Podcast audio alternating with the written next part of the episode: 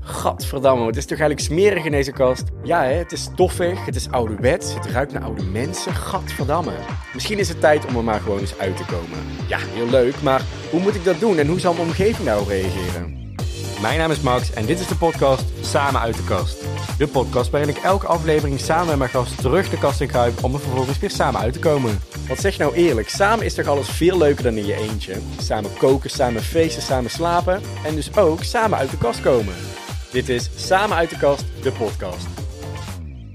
In deze aflevering ga ik samen uit de kast met een 31-jarige Tilburger. Je kunt hem kennen van het programma Prince Charming, waar hij samen met 13 andere singles het hart van Diego probeerde te veroveren. Hij is beleidsadviseur en een echte familieman. Ook is hij erg muzikaal en speelt hij saxofoon, klarinet en piano. In het programma Prince Charming deelde hij de moeilijke momenten uit zijn jeugd, waar ik en waarschijnlijk ook heel veel andere jongeren zich in kon herkennen. Zijn uitspraak: je bent niet gay, je bent niet homo, je bent niet dit of dat, je bent gewoon Joep, geeft precies aan waar het uiteindelijk echt om draait en dat is dat je jezelf kan zijn. En daar ga ik het deze aflevering samen met hem over hebben. In deze aflevering ga ik samen uit de kast met. Joep, Joep, hey, welkom bij de podcast. Het is eigenlijk gewoon een thuiswedstrijd voor jou. dit is bij mij om de hoek. Ja, Ideaal. Ja, Perfect. zeg dat wel. Ik heb in de uitnodiging dacht ik ook van het is misschien wel leuk om te zeggen dat het een thuiswedstrijd is voor jou. Dat je niet helemaal het hele land hoeft af te reizen, maar dat je zo dichtbij woonde.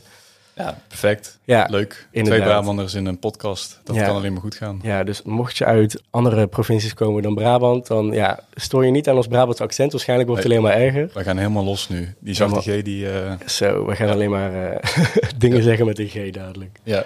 Nou, we gaan het hebben over gay dingen, dus dat eh, komt er goed uit. Oh, echt? ja, gadverdamme eigenlijk, hè? Oh, boh. Ja, nou laat maar. Oké, dit was het einde van de podcast. Hey, daar is het gat van de deur. Ja. Ja. Nou ja, jij, heb jij al eens een aflevering geluisterd? Zeker. Kijk, dan weet jij al een beetje waar, het, waar we dadelijk over gaan hebben. Maar voor de luisteraars die nog nieuw zijn, we gaan dadelijk zoals gewoonlijk beginnen met de niet zo belangrijke, maar wel leuke en interessante vragen van Max. Eh, daarna kruipen we gezellig samen terug in de kast en komen er ook weer samen uit. Gezellig. Marijn heeft deze aflevering ook weer een gay filmtip voor ons in petto. En die gaat deze keer over homogenezing. En als laatste gaan we het hebben over hoe belangrijk het eigenlijk is om jezelf te kunnen zijn. Want helaas is dat nog niet voor iedereen vanzelfsprekend. Twee Marokkaanse jongeren dreigen dakloos te raken door homogeweld in Marokko. En een goede vriendin van hem is een actie begonnen voor hen. En hier wil ze graag later in deze aflevering wat meer over vertellen. Dus daar gaan we dan ook zeker aandacht aan besteden. Maar als eerste beginnen we met de... Weet jij nog hoe het heet? De vragen van Max, niet zo belangrijk, wel hartstikke leuk. Ja, ja helemaal, helemaal, helemaal perfect. Ben je er klaar voor? Ik ben helemaal klaar voor. Wil je voor de rest van je leven in Tilburg blijven wonen? Nee. Wat zijn je dromen? Het land uit of... Eh, een droom is nou, gelukkig geworden met iemand, een mooi plekje om te wonen. Misschien een beetje Ja. buitenaf, vrijstaand, huisdieren erbij, Kijk, boompjes, kijk, beestjes. huisje, boompje, beestje is... En een boot is echt een droom. Ja? Ja, En we dan ook ergens gaan wonen waar die boot zeg maar lekker kan aanmeren. En, jij eh, snapt hem. Kijk, Ja, jij ziet hem. ideaal plaatje. Lekker zonnetje dan ook? Ehm, ja, het mag wel Nederlands zijn. Het, Ja? het gaat wel gepaard met eh, zes maanden regen en bewolking in de winter. Ja. Maar eh, af en toe een zonnetje is wel lekker. Ja, zeker. ja. Eh, liever zingen of dansen? Ehm, liever, ik kan zingen en ik Mhm. kan niet dansen. Maar dansen vind ik wel mooier dan... Ja, dan ik vind het wel meer bijzonder dan mensen die kunnen zingen. Oké. Ben je eerder een ochtend- of een avondpersoon? Beide. Dat is handig. Ja. Heb je meer vrienden of vriendinnen? Eh, 50-50 denk ik wel. Als ik ze allemaal, als ik ze alle 200 even afga, dan denk ik dat er ongeveer 100 vrouwen en 100 man zijn. Kijk. Ja. Ehm, val je eerder op een tokkie of op een kakker? Tokkie, denk ik. Ja? Nou, weet je wat het is? Ik, ik hou wel van dat hele eerlijke en dat hele directe. Ja. Ik had vroeger eh, een beste maatje en eh, nou, ik, ik wil niet per se Tokkie noemen, maar die ouders waren wel gewoon wat meer die kant op, zeg maar. Ja. Daar had ik altijd wel een hele goede band mee. Ja. En eh, kakkers heb ik eigenlijk niet zo heel veel mee. Gewoon lekker direct, zeg maar, daar hou je dan wel van. Gewoon lekker direct. Ja, dat komt natuurlijk wel kijken bij die tokkies. Ja. Oké, leuk. Ja. Als jij Diego was, was je dan voor Serrano of voor Joey gegaan? Als ik Diego was, dan was ik voor Joey gegaan. Maar ik denk dat Cyrano een betere match was voor Diego. Ja. Ja, Ja. gezien de situatie, zeg maar, zou je, snap je de keuze, maar jij zou persoonlijk voor Joey kiezen. Ja, ik had ook een Joey crush op het eh, eiland daar. Ja? Ja. Oh, grappig. Ja. Ja. hoe is dat eigenlijk? Want dat vraag ik me altijd al af. Je zit daar, nou, de, de geruchten gaan rond dat er sowieso dingen gebeuren in het huis. Dat is ook niet gek. Ja. Je zit met 13 andere singles in een, in, in een villa. In Nee, villa, we- zonder shirt, in Ja. zwembroek. Ja, ja, Allemaal in bedjes bij elkaar. ja. Ja. En wat hield die crush van jou in op Joey? Eh, die crush van mij op Joey hield in dat ik hem de leukste jongen vond van de groep.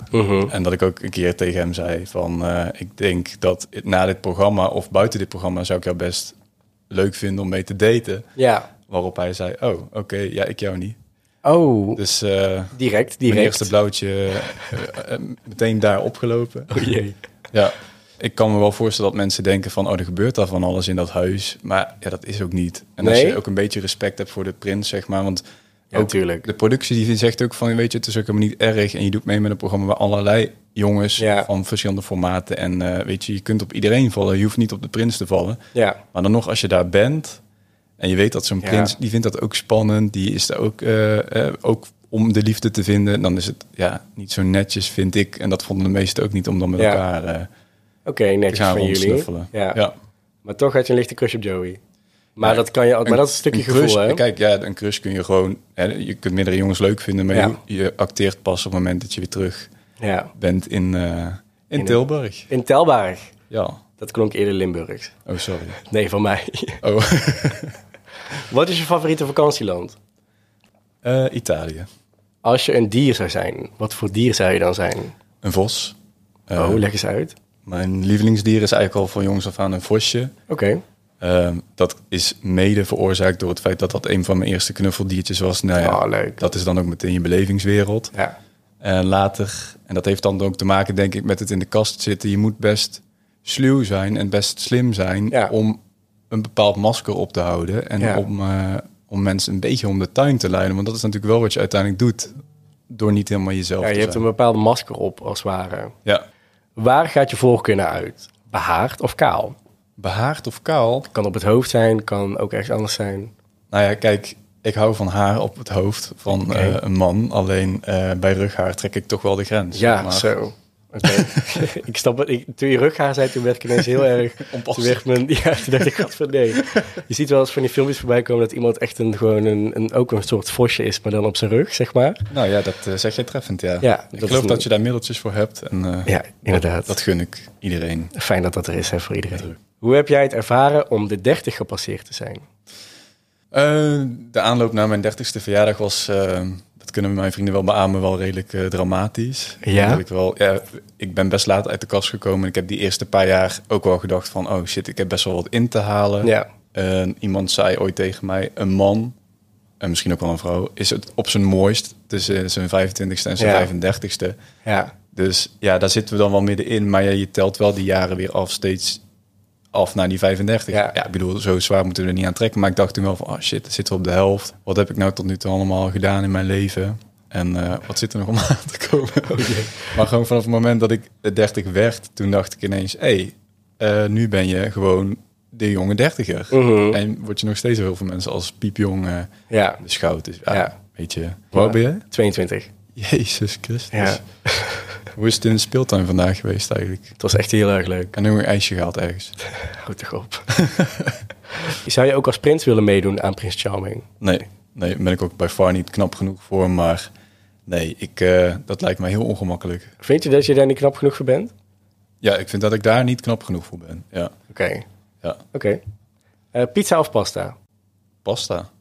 Oké, dus zodoende het oppervlakkige gesprek. Nou, Nu gaan we de diepte in.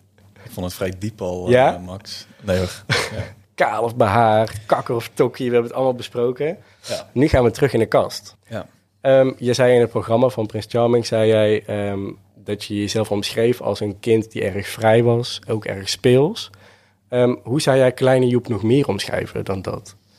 Eh, Kleine Joep was heel eh, creatief, wel redelijk op zichzelf. Ehm, dan hebben we het echt over kleine, kleine Joep. Ik kan me wel herinneren dat eh, als wij naar een camping gingen, mijn twee broers, die zochten continu contact en die hadden met allerlei vriendjes eh, van Mhm. alles. En ik was continu aan het tekenen met het befaamde tongetje uit de mond. Herkenbaar, En ja. ik kon eh, dat uren en uren volhouden.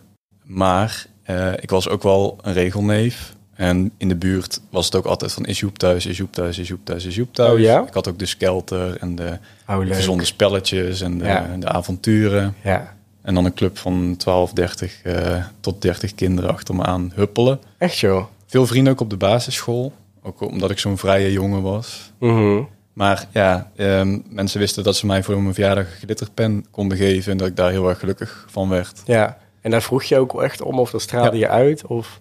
Ik straalde dat denk ik niet per se uit, maar ik vroeg er ook wel om als mensen dat eh, Mhm. van wat vindt Joep leuk. Alles Ja. met tekenen of creatief bezig zijn, stickertjes. Ja, en je bedoelt nu dan wel een glitterpen in plaats van een rode pen. Is die glitterpen dan ook echt meer gericht op je misschien wel vrouwelijkheid of misschien wel je interesse al in minder ja, harde dingen als het ware? Ja, dat wist ik toen nog niet. Ik vond het gewoon vooral heel erg mooi, Mhm. denk ik. Ik vond dat, ja, dat je dan met zo'n pennetje schreef en dat het dan helemaal zo glitterde allemaal, vond ik allemaal heel erg mooi. Maar ik had dus ook een kasteel.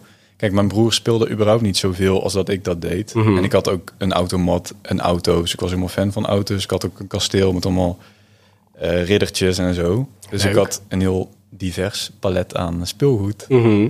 Ehm, maar goed, het is natuurlijk niet alleen spelende Joep. Maar Joep in die tijd was ook wat meer... Ik ben nooit heel extravert geweest. Oké. En Ja. hoe uitte zich dat op school? Ehm, dat uitte zich ehm, nou, niet het hardste roepen of het meest populair zijn, denk ik. En ook niet op feestjes het meest eh, prominent eh, in beeld zijn bij mensen. Maar Ja. Wel eh, ja, veel creatieve ideeën, ook met mijn beste maatje. Dat je dan ook eh, een beetje radioachtige dingetjes aan Oh, het doen bent. Of eh, voorstellingen aan het bedenken bent die je dan in de klas kan... hoe noem je dat? Optreden, Uitvoeren, ja, ja, uitvoeren. ja, ja. Eh, ja, toen al het podium natuurlijk gepakt wanneer het kon. Wat leuk. Oké, dus Joep op de basisschool was eigenlijk in die zin een beetje terughoudend, maar tegelijkertijd was hij ook heel erg vrij en speels en deed hij eigenlijk gewoon zijn eigen ding. Ja. Ehm, je kreeg dan bijvoorbeeld een glitterpen. Je hebt Ja. in, ehm, in de aflevering van Prestjamming ook gezegd dat je af en toe een clipje in je haar had, waardoor je, wa- wa- waardoor je een staartje had. Hoe werd daarop gereageerd? Ehm, ja, de mensen die dat zagen als ik een knijpertje in mijn haar deed, dat er dan zo'n gek palmboompje zeg maar, Ja, op je hoofd komt ja. te staan, eh, dat waren eigenlijk alleen maar mijn broers en mijn ouders. En want daar mocht ik dan niet mee, eh, of ja, daar werd gewoon gezegd van, eh, dat is niet zo handig om dat buiten de deur te doen. Mhm. En ik geloof ook niet dat ik dat ook heel erg zelf had gewild per se. Het is niet dat ik zo over straat eh, wilde of in de klas eh, wilde zijn. Maar ik weet wel dat ik... Wat was eh, die overweging dan dat je dat niet wilde? eh, omdat je ergens ook wel weet van het, het klopt niet. Het is niet helemaal zoals het Ja. eh, gewenst is of gehoord is. Ja. En ik had ook niet per se de behoefte om heel erg buiten de boot te vallen. Ja. Eh, zo, zo opzichtig. Want er waren natuurlijk wel dingen waarvan ik wist... eh, Ik speelde veel meer met meisjes dan met jongens. Ehm, dus ik wist wel dat ik in sommige aspecten anders was. Maar sommige dingen waren wel heel duidelijk van dit is wel die grens. Ja, ja, ja, dit wil ik liever niet dat mensen Ja. het zien. Ja. Ehm, je zei dan eh, dat, eh, dat, dat je ouders en dat, dat zij het allemaal wel zien.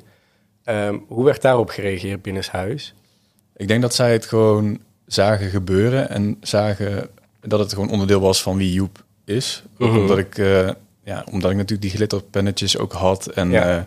Wat vrijer was als kind. En veel tekenen. En veel ook met jurkjes bezig was. En weet ik het wat. Mhm. dat zij het ook gewoon een soort van ja, normaal vonden dat ik dat deed. Vast Mhm. ook wel bijzonder en voor hun ook best gek, want ze hadden natuurlijk ook geen referentiekader van jongetjes die dat deden. Ja, Ehm, ja, die, maar die vonden dat niet heel, eh, het werd niet heel erg negatief of zo. eh.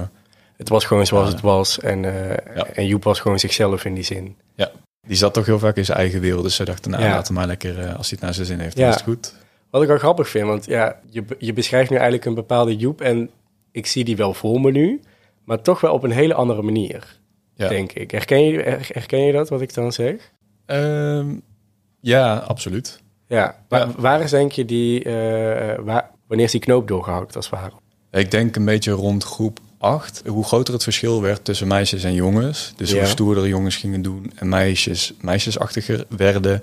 En dat daar dus ook een bepaalde chemie begon te ontstaan tussen jongens en meisjes die elkaar leuk vonden. Mhm. Hoe meer ik merkte van dat had ik dan niet richting meisjes. En ik was ook niet zo stoer als de meeste jongens. En dan wordt er anders naar je gekeken of er wordt wel eens wat dingen benoemd. Ik kan me niet heel erg voor de geest halen wat er dan precies gezegd werd. Mhm. Maar ik wist wel dat ik een beetje buiten de boot viel. Dus ik dacht, ik moet me zo snel mogelijk gaan aanpassen. Want blijkbaar is hoe ik ben niet helemaal volgens de norm. Dus ik zal nu mee moeten met de jongens die wat stoerder zijn. Gelukkig kwam ik op de middelbare school in een klas waar de jongens vrij, ja, gewoon leuk en niet zo stoer en cool probeerden te zijn. fijn. Ehm, maar dan nog merkte ik wel dat zij heel andere interesses hadden en heel, zich heel anders gedroegen Ja. dan dat ik misschien wel had gewild. Ehm, heb je toen ook al nagedacht over, eh, over op wie je dan zou kunnen vallen? Heb je toen wel eens gevoelens gehad voor een persoon? Nee, ik heb nooit gevoelens gehad voor een persoon. Of ja, dat klinkt wel heel eh, dramatisch. Ja, ik was wel ooit een keer verliefd op een meisje in de klas. Maar dat- Ja. ik denk dat dat gewoon ook de hormonen zijn die op dat moment door je lij- Ja. lijf gieren. En, Ja. je, en je moet ook wel gefocust zijn op vrouwen. In mijn geval Mhm. vond ik van mezelf. eh, dat, dat legde je jezelf op? dat legde ik mezelf op. Ik had wel, ik kan me nog wel herinneren, volgens mij, ik weet niet meer welke film, dat was High School Musical of Mhm. zo. Die Zac Efron, zeg maar. Ik weet dat we daar naar de bioscoop gingen, dat ik daar echt wel een soort van zwijmelde van, oh mijn god, weet je, Mhm. als er nou zo'n jongen op mijn school zou zijn, dan zou ik helemaal daarop verliefd Ja. kunnen worden. Ja. En ehm, mijn eerste trigger dat ik wist dat ik op mannen viel, is ook al vrij jong. Daardoor wist ik het eigenlijk ook al wel. Mijn Mhm. broertje had een, eh, een poster van het Nederlands elftal. Nou, dan denk je nog tot daar en toe is nog een heel normale situatie. Mhm. Alleen die mannen hadden dus geen shirt aan. Vraag me niet waarom. Oké. Eh, en die poster vond ik vanaf toen ik acht of negen jaar oud was al heel interessant. Dat wist ik al wel. Ja, Ik dacht, hier grappig.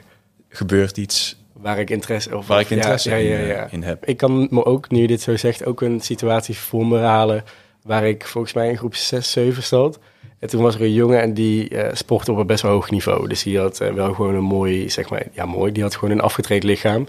En die deed toen zijn shirt omhoog en al die meiden reageerden, oh wat mooi, wat mooi. En ik dacht toen, ja, vind ik ook wel mooi eigenlijk. Ja, precies. Dus ik had daar ook meteen een bepaalde interesse in en ik bleef er maar naar kijken. En toen had ik best wel een ander beeld van hem gekregen daardoor. Maar toen dacht ik ook van, oh, hè, dit is eh, eigenlijk wel raar. Al die meiden reageerden er heel positief op. En al die jongens die zeggen, ja, ik heb ook een sixpack. Maar ik was eigenlijk een van die meiden die ook half kwijlend, zeg maar, naar Ja. die jongen aan het kijken waren. Dus Ja. En toen was je hoe oud? Weet je dat nog? ja, 6, 7, dus dan ben je denk ik eh 12, 13 of zo. Ja, precies. Het is wel echt, Ja. zeg maar, die, die, die, die beginnende fase van je identiteitsvorming en eh, een beetje gaan Seksualiteit. nadenken. Ja, ja. Ja. Ehm, weet jij nog het moment dat jij voor het eerst realiseerde dat je homo was? Ehm, nee, nee, dat vind ik wel een. Dat, ik kan me wel dus voor de geest halen wanneer ik wel getriggerd werd door dingen die. Mhm. Ik denk dat je ergens als je porno begint te kijken, dat het heel erg de dik bovenop gaat liggen. Want je moet Ja. echt heel specifiek. Dan moet je een keuze maken. Als, je moet, ja, een, nou ja, je moet een keuze maar- maken daar Ja. van kijk ik nu naar heteroporno of kijk ik nu naar twee mannen die Mhm. seks gaan hebben. En ik denk dat ik toen wel vrij vroeg, misschien wel 13 was. Oh joh, ja. Ja. En meteen ook eh, met de neus in de boter gevallen. Ik geloof dat het twee of drie maanden eh, nadat ik voor het eerst porno had gekeken, werd mijn computer gehackt Oh, meen je? door een Russische. Spion. Als het het het was, ja. er kwam ineens een scherm in beeld van eh, je moet 100 gulden of euro betalen. Wil je dit scherm kunnen unlocken, zeg maar. Dan moest Ja. je dan in bepaalde coins of wat dan ook moest je aanschaffen. Wat ziek, Ja.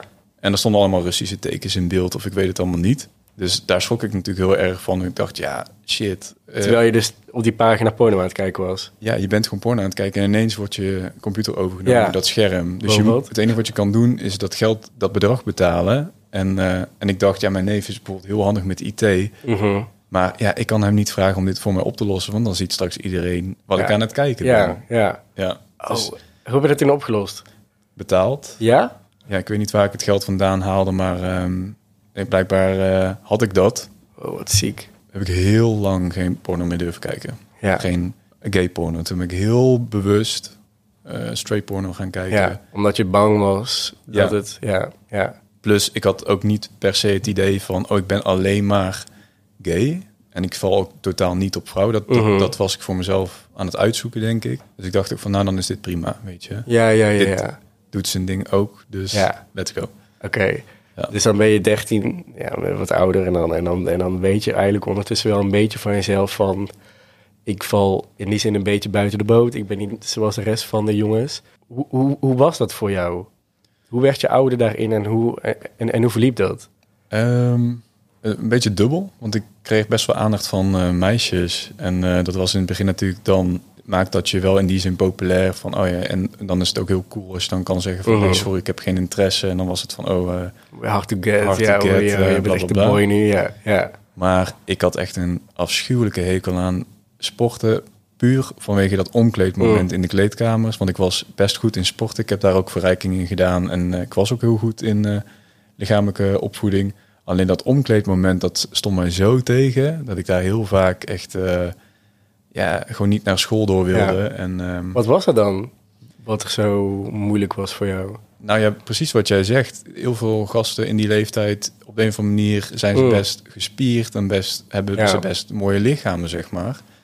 En eh, dat deed te veel met mij. Daar raak ik te veel door geprikkeld. En ik, vond, ik wilde dat helemaal niet. Ik wilde Mhm. gewoon normaal zijn. Ik wilde me gewoon om kunnen kleden en gewoon die gymzaal in kunnen gaan.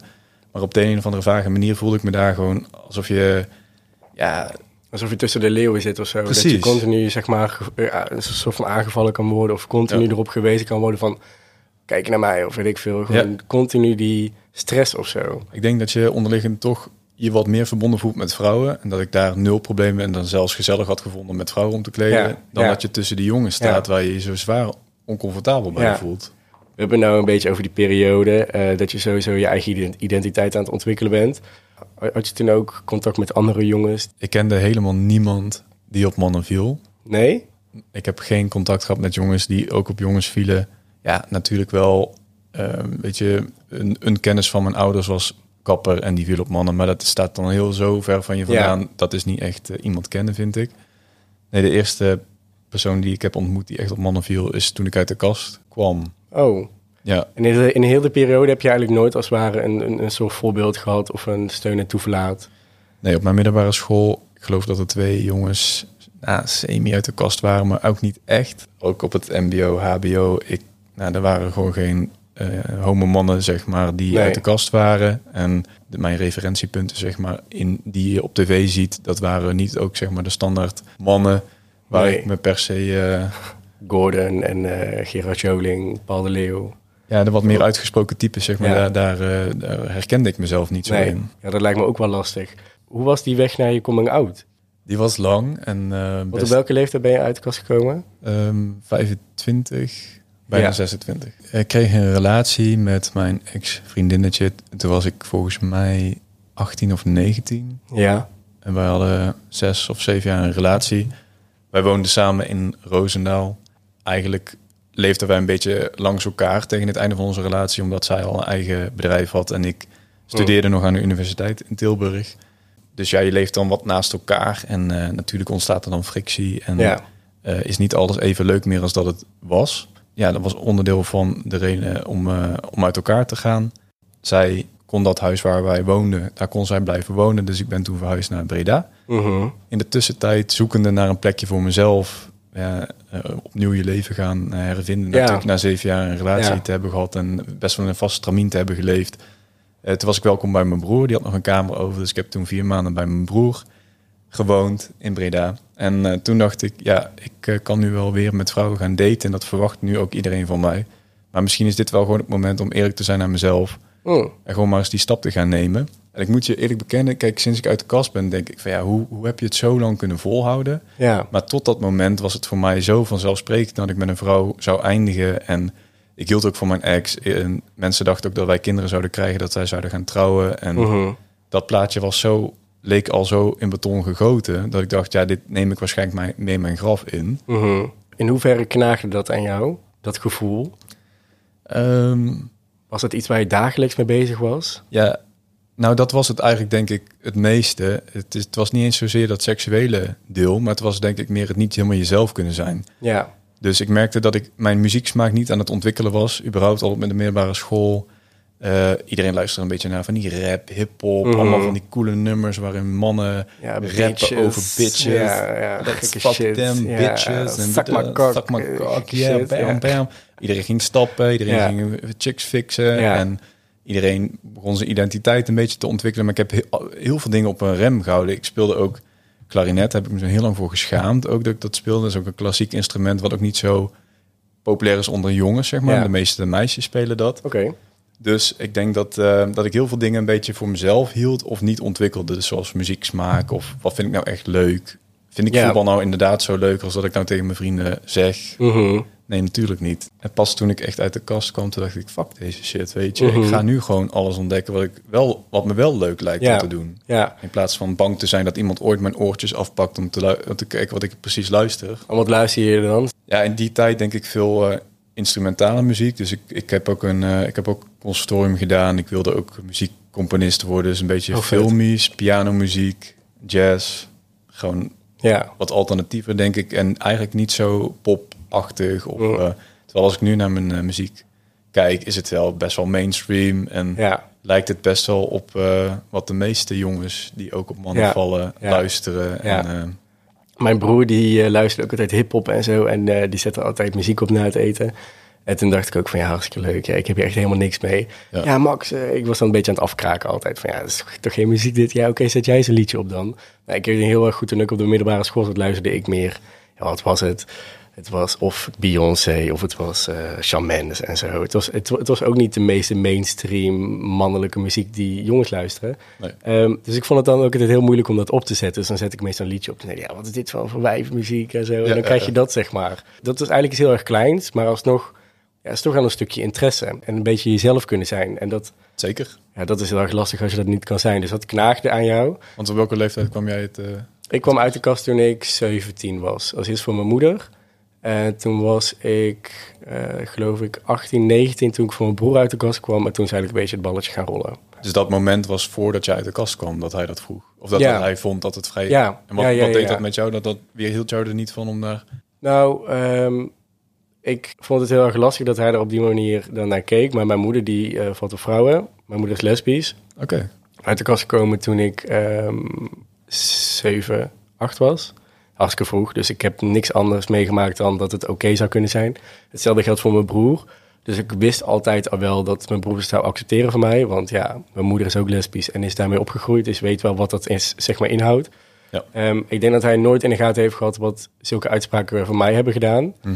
Ehm, dus ik weet ook zeker dat als je dat weet, dat hij dat niet had gedaan. Mhm. Ehm, maar die uitspraken die weerhielden mij dan niet van het zeggen. Omdat ik eigenlijk wel wist in mijn achterhoofd dat hij het ooit wel zou accepteren. Je wist toen eigenlijk al van ooit gaat het moment komen. Dus Ja, het was meer die eerste stap. Het moeilijkste vond ik was om het voor het eerst te zeggen, omdat het dan, dan is er geen weg meer terug. ja, Want je wilt het eigenlijk niet zijn, maar toch moet je met die uitspraak dan even laten zien dat je toch een stukje kwetsbaarder bent en toch een stukje anders bent dan de rest. Herken jij dit? Ja, zeker. Ja, toen ik eh, dus bij mijn broer ben gaan wonen en ik ben dus voor het eerst eh, met de jongens gaan daten. Mhm. Ehm, ik woonde bij mijn broer en zijn inmiddels vrouw toen de tijd nog vriendin.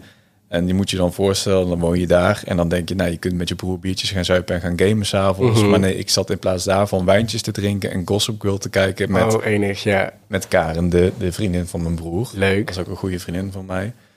Dat gebeurde maanden achter elkaar. Dus ik dacht, weet je, als ik gewoon deze levensstijl aan blijf houden en ook Mhm. een beetje wat meer mezelf gaan omarmen en wat ga uitvogelen, dan komen zij er ook wel een beetje vanzelf achter van, goh, Ja, Joep is inderdaad toch wel, en die is niet zo heel eh, pak een beet eh, standaard man, zeg Mhm. maar.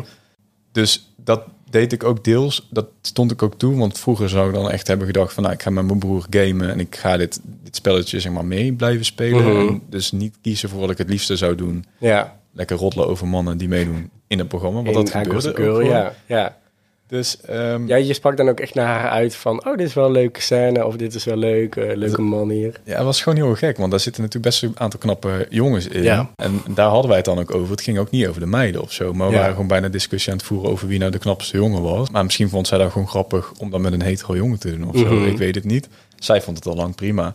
Wij waren met z'n tweede prinsesjes die daar woonden. En mijn broer zorgde voor ons, die kookte. En eh, Wat grappig. was best een grappige situatie eigenlijk. Voor mij best wel tekenend voor jouw Mhm. interesse is en wie Ja. je dan bent. Je kwam als het ware voor jezelf op eigenlijk. Ja, ik eh, kreeg wat meer scheid, denk ik. Dus dat was wel de eerste stap dat ik dacht van, oh ja, maar inderdaad wat je zegt, het is dan toch wel steeds groter wordende drempel om het dan, want je Mhm. denkt heel cool van, nou, dan ga ik daten met jongens en dat was hartstikke leuk. Die ging Ja. de wereld voor me open. Ik dacht echt van, eh, wow, wat, wat is dit nou weer, weet Ja. je wel. Bij een vrouw dacht ik al heel snel, als iemand echt heel knap is of een mooi lichaam heeft, een mooie borst heeft, dan, oh, dan vind ik het op zich eigenlijk ook wel interessant. Maar het deed me niet zoveel als ik, eh, nou, laat ik het zo zeggen, bij een jongen, zeg maar, kon ik het gewoon heel sexy vinden, zelfs een kuiten. Ja. Of gewoon Ja. een klein stukje spier wat gewoon over iemands borst loopt. Gewoon alles aan een man Ja. vond ik gewoon sexy. Er was, dat was een, er zat een heel groot verschil tussen Heel wat je sexy verschil. vond. Dus dat was voor jou dan ook het realisatiemoment van ja, het is nou eenmaal zo en, en, en volg mijn gevoel. Ja, dit is blijkbaar dus echt aan de hand. Het is ook niet die twijfel dat ik had van, ben ik, val ik dan misschien op allebei? Toen ben ik gaan daten en toen dacht ik van, nou, dan is het misschien ook wel een goed moment als het echt een serieuzere date wordt, om dat gewoon te delen met Karen ook. Mm. Dan weet zij ook, want zij wisten wel dat ik ging daten. Ja, Sterker nog, in die beginperiode had ik natuurlijk ook het gevoel dat ik wat in te halen had. Dus ik had ook wel eens van die nachtelijke escapades. Dat je dan s'nachts het huis uitsneakt, zeg Ja, maar. Een leuke eh, date. naar een date. Of leuk is het, dan weet ik allemaal niet meer. Maar eh, nou ja, je ging in ieder geval het huis uit. En dat Ja. hoorden zij ook wel. En dan zeiden ze soort zo van... Ja, we weten wel dat je vannacht naar een meisje bent geweest. Oh en, ja, eh, ja. en uiteindelijk een jongen aan het daten die ik best wel leuk vond. Dus ik dacht, ik ga dit vertellen aan Karen. Dus wij zitten samen een wijntje weer Gossip Girl te kijken. En zei ze, hey, hoe was die date eigenlijk die je gisteren had? Dus ik zei, eh, ja, ik zal er laten zien. Dus ik pakte Instagram erbij Mhm. en ik zocht hem dus op. En ik Ja. liet het hem dus zien. En zij keek me echt zo aan van, wat zit je nou te doen? Ja, En te lachen en ze geloofde het niet. Ze vond het een beetje vaag. Dus, eh, maar ja, mijn hartslag zat hier natuurlijk in mijn keel. Ik had een droge mond. En Ja. ik dacht echt van, nou, ik ben heel benieuwd hoe reageert zij hierop. Maar ze zal het wel weten, want kijk ons hier zitten. Weet je Mhm. wel, ik zat nog net niet met mijn Ja, benen over elkaar. Ja, ja, Met een ja. pinkje omhoog met een glas witte wijn. Maar zij geloofde dat niet. En toen zei ze, want mijn broer was op dat moment nog aan het werk. Ze zei, als, als je het straks ook tegen hem zegt, dan geloof ik je. Oké. Dus mijn broer komt thuis. Wat vond je daarvan dat ze dat zei? Ja, wel lastig. Ik had eigenlijk verwacht dat ik het van tevoren met haar kon voorbespreken. Dat in ieder geval die, iemand die ik goed vertrouw. Ja.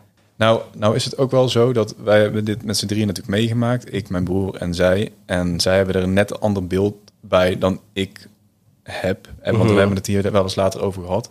Dus wat dan ook precies de waarheid is, dat weet ik niet precies. En ik kan me best voorstellen, omdat ik best wel gespannen was, dat ik het misschien niet meer helemaal goed herinner. Mhm. Maar ongeveer is het wel zo gegaan dat Ja. mijn broer s'avonds thuis kwam. Natuurlijk ook druk in zijn hoofd met van alles en nog wat. En dat ik dus natuurlijk zei van ja, Emiel, ik wil je wat vertellen. Eh, dat hij eh, tegenover ons op de bank kwam zitten. Maar Karen was vanuit haar zenuwen of een beetje ongemakkelijkheid. Was Mhm. een beetje aan het lachen en aan het doen. Ja. En eh, omdat wij natuurlijk een beetje de prinsesjes waren in het huis. En Ja. hij sowieso al met ons te dealen had. Vaak dacht hij Mhm. van, oh god, wat gaat er nou weer gebeuren? Ja. Ja. Toen heb ik het verteld. Ik eh, val op mannen. Ik heb gisteren een date gehad met een jongen. En hij keek Karen aan. En Karen moest alleen maar lachen. Waardoor hij dacht van ja, jongens, doe even normaal. Ja, Dus is niet serieus. Ja. hij dacht, dit is niet serieus. Die lopen mij weer te, te fucken of wat dan ook. Dus die liep toen weg. Mhm. Waardoor het voor mij heel ongemakkelijk werd. Zo van, ja, what the fuck. Uiteindelijk neigde ze er ook wel naar om het te geloven. Mhm. Maar zij vond het natuurlijk ook wel lastig om te bevatten... dat ik daarvoor zeven jaar een relatie heb gehad Mhm. met, een, met een meisje... Ja. die natuurlijk ook voor een groot deel onderdeel is geweest van hun leven onderdeel van ons gezin. Maar uiteindelijk accepteerden ze het eh, gelukkig wel. Vonden ze het ook wel. eh, Ja.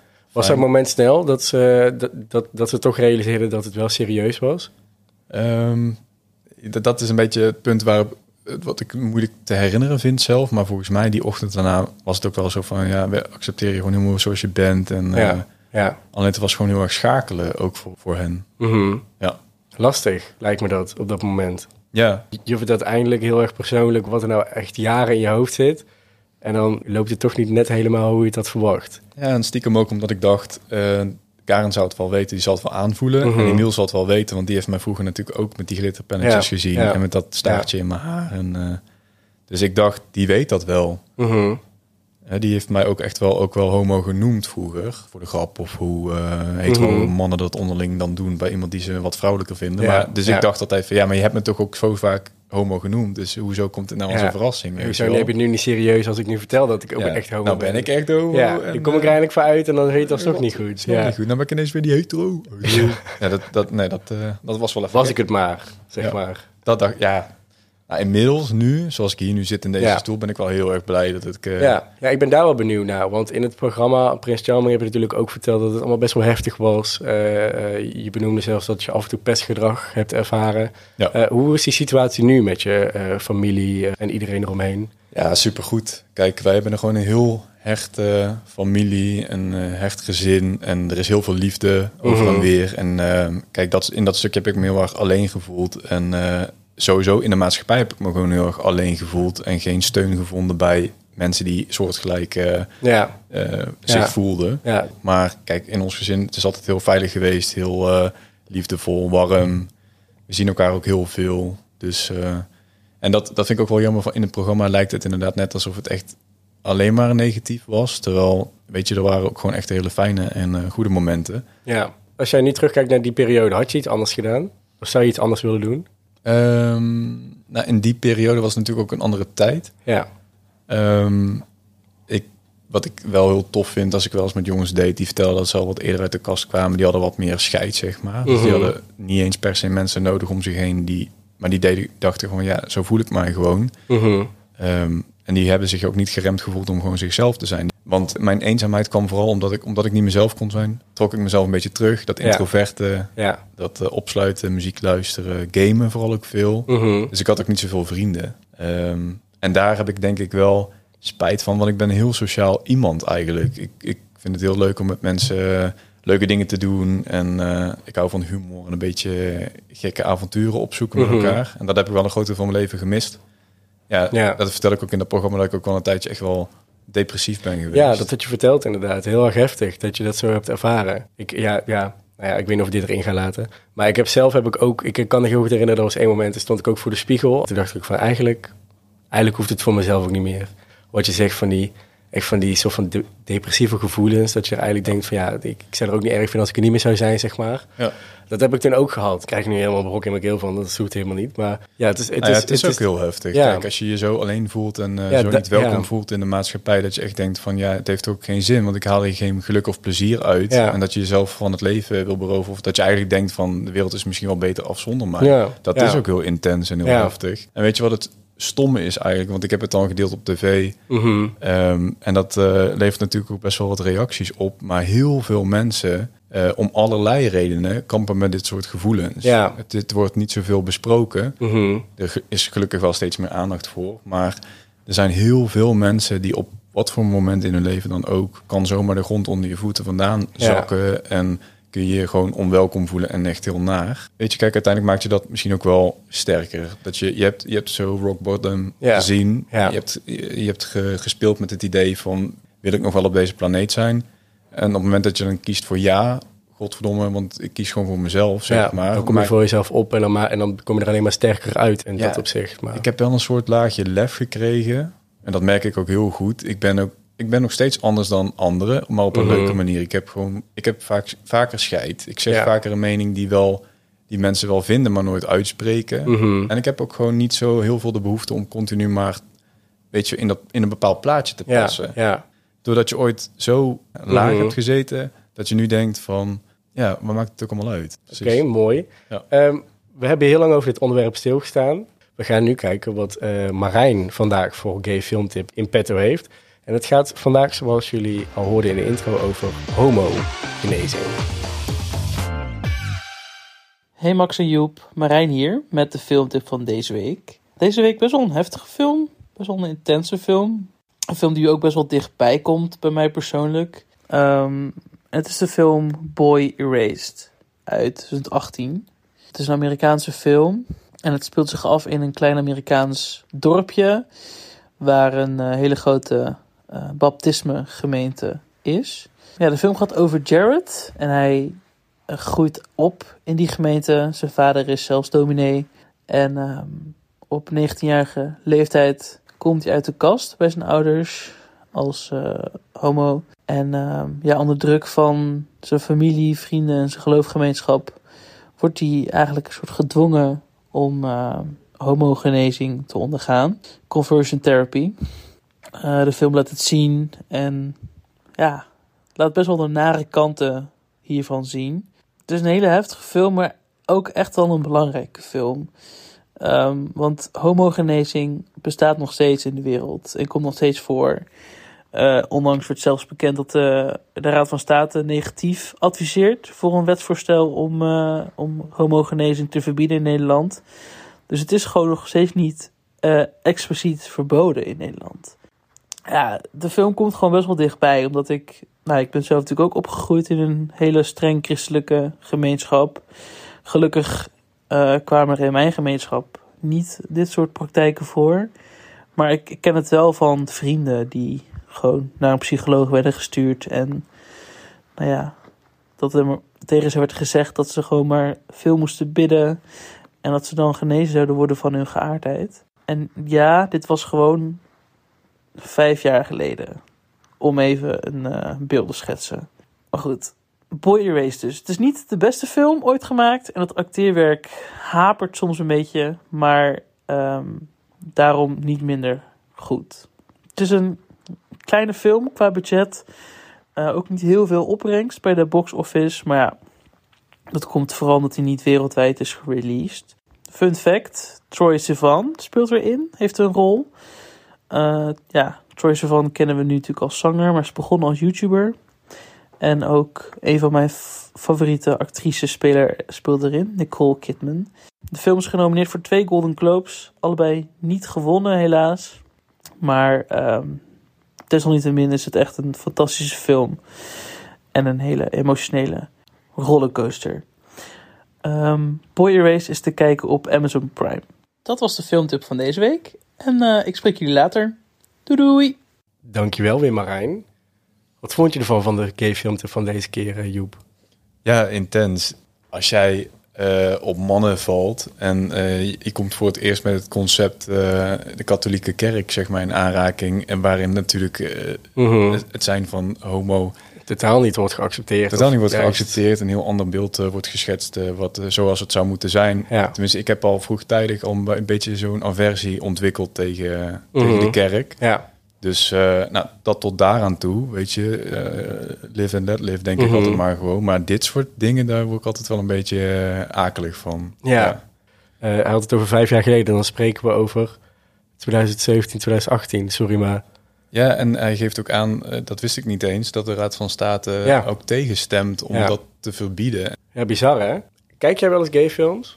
tijdens mijn dates met uh, verschillende jongens ben ik wel eens geïntroduceerd mm -hmm. in uh, verschillende gay films. En ik dacht in het begin van, nou, wil ik dat wel? En uh, het concept van twee mannen die echt een romance samen aan het opbouwen waren, vond ik mm -hmm. wel een lastig iets. Maar ik, heb, ik, weet niet precies hoe die film heet, maar dit, dat was echt een hele goede film. -hmm. Kon je jezelf echt helemaal verliezen in die jongen die verliefd werd op die andere man. Ja. En qua serie, Hardstopper heb ik recent nog gekeken. En nou, dat is echt, uh, dat is echt fantastisch. Ja, hè? Ja. Het, het fantastische aan zulke films en series vind ik ook altijd dat je je zo kan herkennen, dat je zo kan wegsmullen, omdat je gewoon totaal begrijpt wat er gebeurt in die film. Ja. Kijk, natuurlijk kan je in een uh, Gossip Girl natuurlijk ook af en toe wel kijken naar een man, maar ja, je weet dat die man uiteindelijk in de film toch gaat zoenen met die vrouw, of, of noem maar op. Maar ja. nu weet je gewoon dat je zo van kan wegkwijlen naar ja, een personage waarvan je ook weet van, oh, ik weet niet of je Elite kent. Ja, en dat, ja. Maar dat is al helemaal, zeker die laatste seizoenen. Dat is Mhm. helemaal een soort van spectrum Ja. waarvan je denkt van wow, dit is echt, gebeurt eh, echt alles, zeg maar. gebeurt alles. Ja. Marijn, bedankt weer voor deze gay filmtip.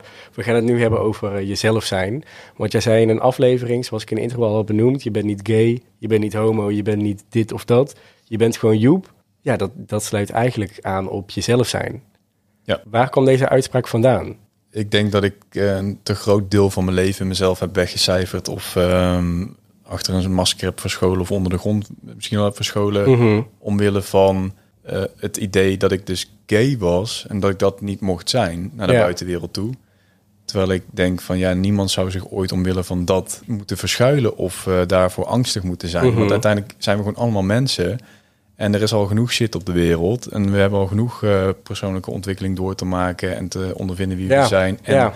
Dus ik vond zeg maar de Joep pas echt terug toen ik 25 was. Mhm. Ik ben ik kwijtgeraakt toen ik 7 jaar oud was. En die vond ik pas weer terug toen ik 25 was. Ja. En met die uitspraak zeg je dan eigenlijk van, jongens, weeg het allemaal niet zo zwaar, heel je geaardheid of wat dan ook. Kijk eens om je heen en kijk eens wat echt belangrijk is. En dat is dat je gewoon Joep bent, Ja. in jouw geval. Ja. En neem dat voor lief. Ik denk dat de, de meest voorkomende reactie van mensen eh, was toen ik uit de kast kwam van... Ja, oké, maar dat maakt ook niet uit dat je Mhm. op mannen valt. Weet je, voor hen is het gewoon geen concept. Ja. Het is gewoon niet, voor hen speelt dat ook totaal geen grote rol. En voor mij speelde dat een huge rol in alles wat ik deed. Maar misschien Mhm. had ik achteraf gezien het inderdaad ook niet zo'n grote rol moeten laten spelen. Ja. Dat ik daar niet mijn identiteit aan ontleende, Mhm. aan het hele homo zijn. We hebben het heel de aflevering al gehad over jouw deelname aan Prince Charming. Ehm, ja, hoe waren de reacties daarop? Eh, het viel me sowieso op dat eh, ik... Natuurlijk verwacht je wel dat je wat reacties gaat krijgen, ook via Instagram en zo. Maar eh, wat me heel erg opviel is dat het waren allemaal positief. Mhm.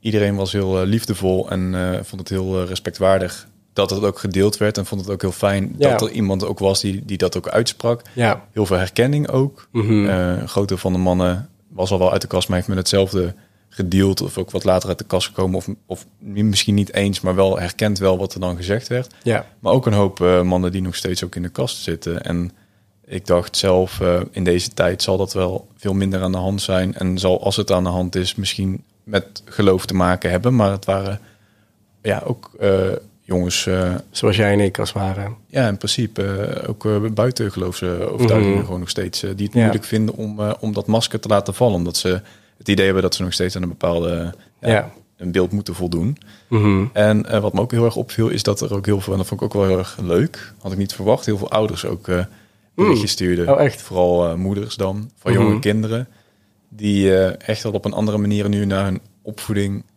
van hun kinderen kijken. Ja. Een reactie was van eh, een moeder die had gestuurd, als ik jouw aflevering niet had gezien voordat ik met mijn zoontje naar een speelgoedwinkel was gegaan, dan had ik Ja. waarschijnlijk tegen hem gezegd van, Ja. nou die hakjes moet je maar even niet Ja. aantrekken. Ja. Dat had hij dus blijkbaar gedaan. Ja. Maar doordat ze die aflevering zag, had ze zoiets van... nee, weet je, als hij dat wil doen, Ja. Mooi. doe dat gewoon. En eh, wees gewoon, eh, als jij daar gelukkig van wordt, gewoon lekker doen. Ja. Ja. Maar dat is wel, ik vond dat wel interessant om te, om te lezen. Ja. Begrijp ik. En mooi ook dat die aflevering eh, sommige mensen ook echt in die zin heeft laten nadenken. Ehm, wij hier in Nederland mogen gewoon wettelijk gezien onszelf zijn. Ehm, ja, in Marokko is het helaas anders. Je kan zelfs drie jaar gevangenisstraf krijgen voor het uitvoeren van homoseksuele handelingen. En daarnaast weten we natuurlijk ook dat die cultuur daar ook totaal niet eh, homoseksualiteit accepteert. En ik ben laatst benaderd door iemand die vertelde dat ze twee jongens in Marokko kennen die laatst iets hebben meegemaakt waardoor ze nu dreigen dakloos te worden. En ze vroeg aan mij of eh, zij eh, haar woord kon doen. Dus ik heb afgelopen maandag heb ik met haar gebeld. En eh, dat telefoongesprek zou ik graag willen laten horen. Zodat jullie ook een beeld krijgen van wat daar allemaal gebeurt in Marokko. En wat we kunnen doen om dat te verhelpen.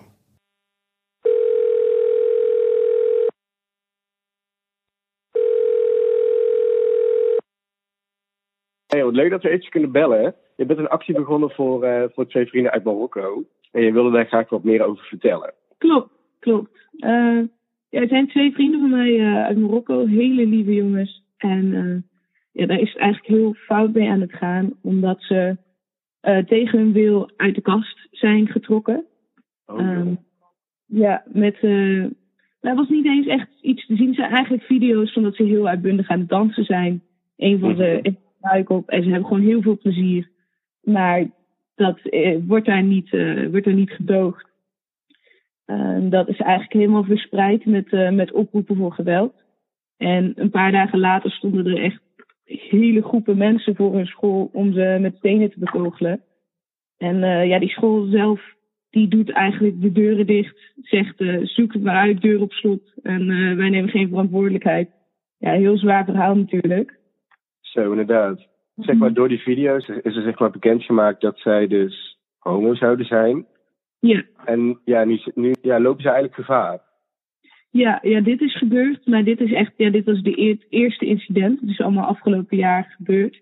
Mhm. Uh, maar sindsdien lopen ze ook gewoon gevaar. Nou, een van ze gaat nog steeds naar school. Die heeft daar ook uh, veel incidenten meegemaakt nog.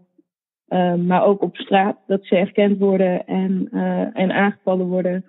Ja. En uh, door geru ge geruchten en zo is dat thuis ook uitgekomen. Ze lopen thuis ook tegen geweld aan.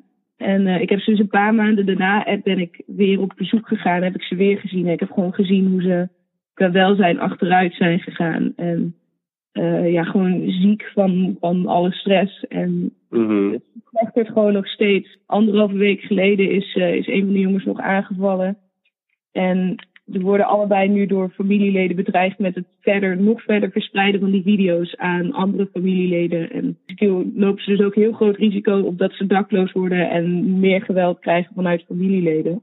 Ja. Dus dat is heel zwaar om te zien ook voor mij. Het zijn zulke lieve mensen en ik, ik geef heel veel om ze. En het enige wat zij hebben gedaan is gedanst ergens. Heel uitbundig wat iedereen doet.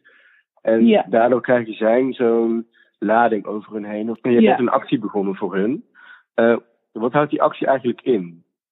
Eh, nou, het plan is om ze nu eh, uit Marokko te krijgen.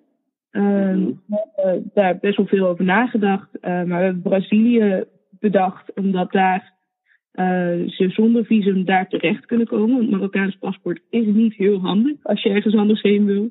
Oké. Eh, komen ze zonder visum terecht. En Brazilië verstrekt asiel op basis van geweld door homoseksualiteit. Als Ja. dat goed aan kunnen tonen. Ehm, En ze hebben heel veel bewijsmateriaal daarvan. Dus dat is een hele grote kans dat, dat, eh, dat het lukt. Dus het plan is eigenlijk best haalbaar.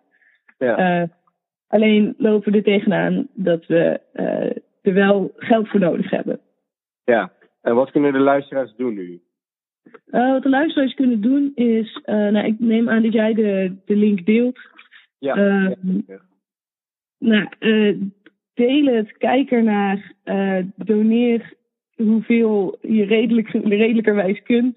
En als je dit luistert en je denkt, ik heb toevallig eh, heel veel kennis in migratierecht. Of ik ken mensen in Sao Paulo die heel nuttig kunnen zijn, die kunnen helpen. Dan eh, laat vooral ook wat weten, daar eh, hebben we ook wat aan. Ja, nou, ik hoop dat ze luisteren. En ik hoop oprecht dat elke luisteraar die dit nu hoort en die, die denkt van, oh, daar wil ik iets mee, dat ze ook echt ermee aan de slag gaan. Want, het, want dit moet gewoon opgelost worden voor die twee jongens. Ja. Echt heel sneu verhaal. we bezig zijn met het plan, hebben ze veel meer geholpen, hebben ze heel veel kracht. En echt elk stukje van het plan dat iedereen die doneert of die helpt, geeft je zoveel, zoveel hoop en zoveel kracht. Dus dat alleen al, dat is al heel mooi om te zien. Nou, dat is in ieder geval fijn om te horen. Dankjewel voor het delen en ik hoop ehm, dat het allemaal goed gaat komen. Super, dankjewel dat ik, eh, dat ik het mag delen. Geen probleem. Doei doei. Een verhaal dus eh, van twee Marokkaanse jongens die eigenlijk heel erg hulp nodig hebben, eh, maar dit niet kunnen krijgen door een thuisfront. Eh, ik zal de link waar je kan doneren eh, in mijn story plaatsen en zal ook altijd in mijn hoogtepunt blijven staan, eh, zodat je altijd jezelf eventueel kan inzetten voor deze jongeren. Wat, wat, wat vind je van dit verhaal? Ja, verschrikkelijk. Ja, Dat kun je Ja. gewoon niet voorstellen dat dat, eh, dat, dat je leven is. En Ja. dat, is ook, eh, dat is dan ook weer totaal niet te vergelijken met hoe het dan hier in Nederland Mhm. is. Eh, ja, daar ben je helemaal verloren. Ja, het is gewoon niet te bevatten, vind ik, dat je daar gewoon totaal niet jezelf kan zijn, op welk opzicht dan ook. Zeg maar. Je leeft altijd met een masker op, als het ware. Ja. Joep, ik wil jou heel erg bedanken dat jij de tijd hebt genomen om hier, om hier je verhaal te delen. Ehm, en ik wil ook de luisteraars bedanken dat ze tot zover zijn gekomen. Ehm, mocht je dit nou een hele leuke aflevering vinden, dan zou ik het heel erg kunnen waarderen als je een review wilt achterlaten op Spotify of op Apple Podcast. En je kan altijd samen uit de kast volgen op Instagram, zodat je op de hoogte blijft van alle nieuwe afleveringen en wat er allemaal achter de schermen gebeurt. Heb jij nog iets te zeggen tegen de luisteraars? Een afsluiter. Een afsluiter. Je bent niet gay. Ja, zeg het nog een keer. Je bent gewoon jezelf. Kijk, dat wil ik horen. En dan zeggen we op zijn Brabants. Houdoe. Houdoe.